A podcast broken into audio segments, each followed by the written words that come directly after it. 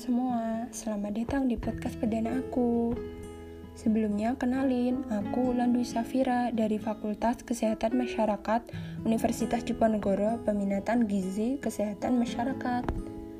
Oh iya, eh, NIM terakhir aku 40315.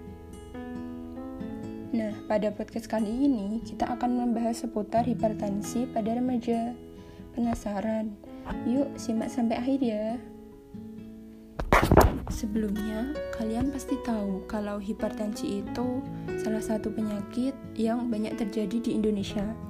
Hipertensi yang merupakan penyakit tidak menular sering disebut sebagai silent killer. Kenapa? Karena sering timbul tanpa dibarengi gejala.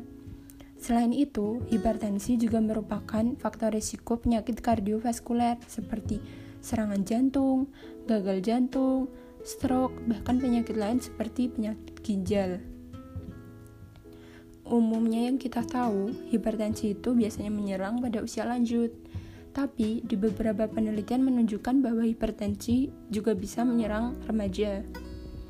Yang lebih parahnya lagi nih guys, prevalensi pada remaja itu meningkat dalam beberapa tahun terakhir, tapi belum banyak nih yang sadar. Apabila remaja mengalami hipertensi, maka dia akan berpotensi berkelanjutan sampai dewasa dan akan meningkatkan risiko kematian dan kesakitan. Nah, pengelompokan tekanan darah pada remaja itu beda guys dengan tekanan darah pada orang dewasa. Kenapa? Karena tekanan darah seseorang akan meningkat seiring dengan bertambahnya usia seseorang. Hipertensi yang sering menyerang remaja yaitu hipertensi esensial. Apa sih hipertensi esensial itu?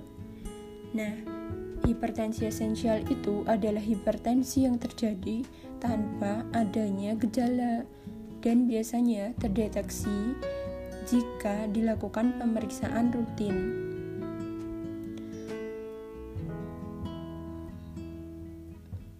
Salah satu penelitian menunjukkan bahwa satu dari 10 orang remaja dan dewasa pada rentang usia 15 sampai 25 tahun berpotensi mengalami hipertensi.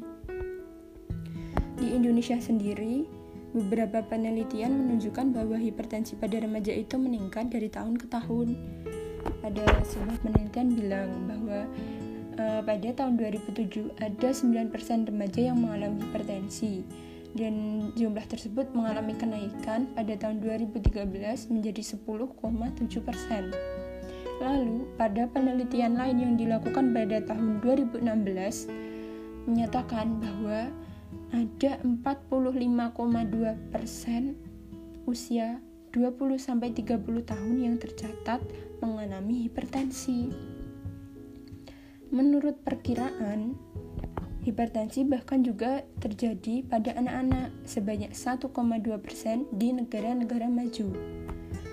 Nah, pada hasil survei nutrisi di Amerika Serikat, mereka tuh menyatakan bahwa tekanan darah sistolik dan diastolik mengalami kenaikan yang signifikan, di mana kenaikan tersebut ada kaitannya dengan obesitas, perubahan pola makan, rendahnya aktivitas fisik, dan tingginya stres.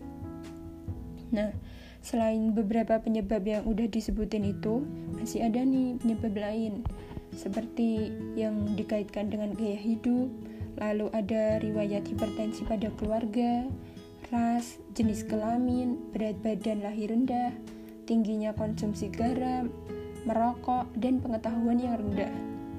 Nah, seseorang yang mempunyai faktor risiko gaya hidup biasanya tuh ada kaitannya dengan rendahnya pengetahuan.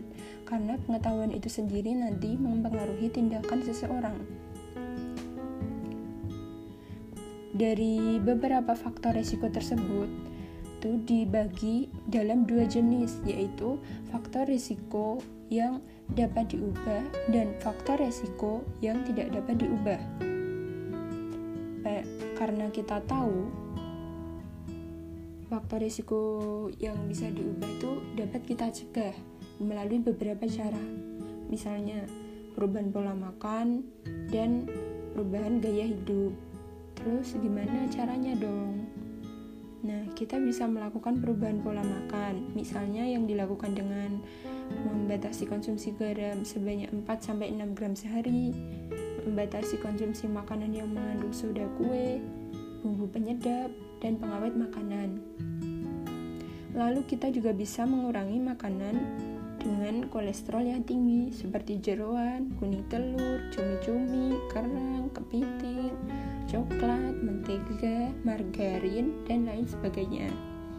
Terus, kalian yang biasanya merokok terus juga mengonsumsi alkohol, sebaiknya hentikan ya kebiasaan tersebut.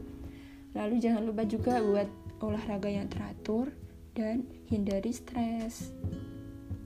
Nah, cukup sampai di sini dulu ya guys podcast kali ini. Jangan lupa tetap jaga kesehatan dan tetap patuhi protokol kesehatan. Bye bye.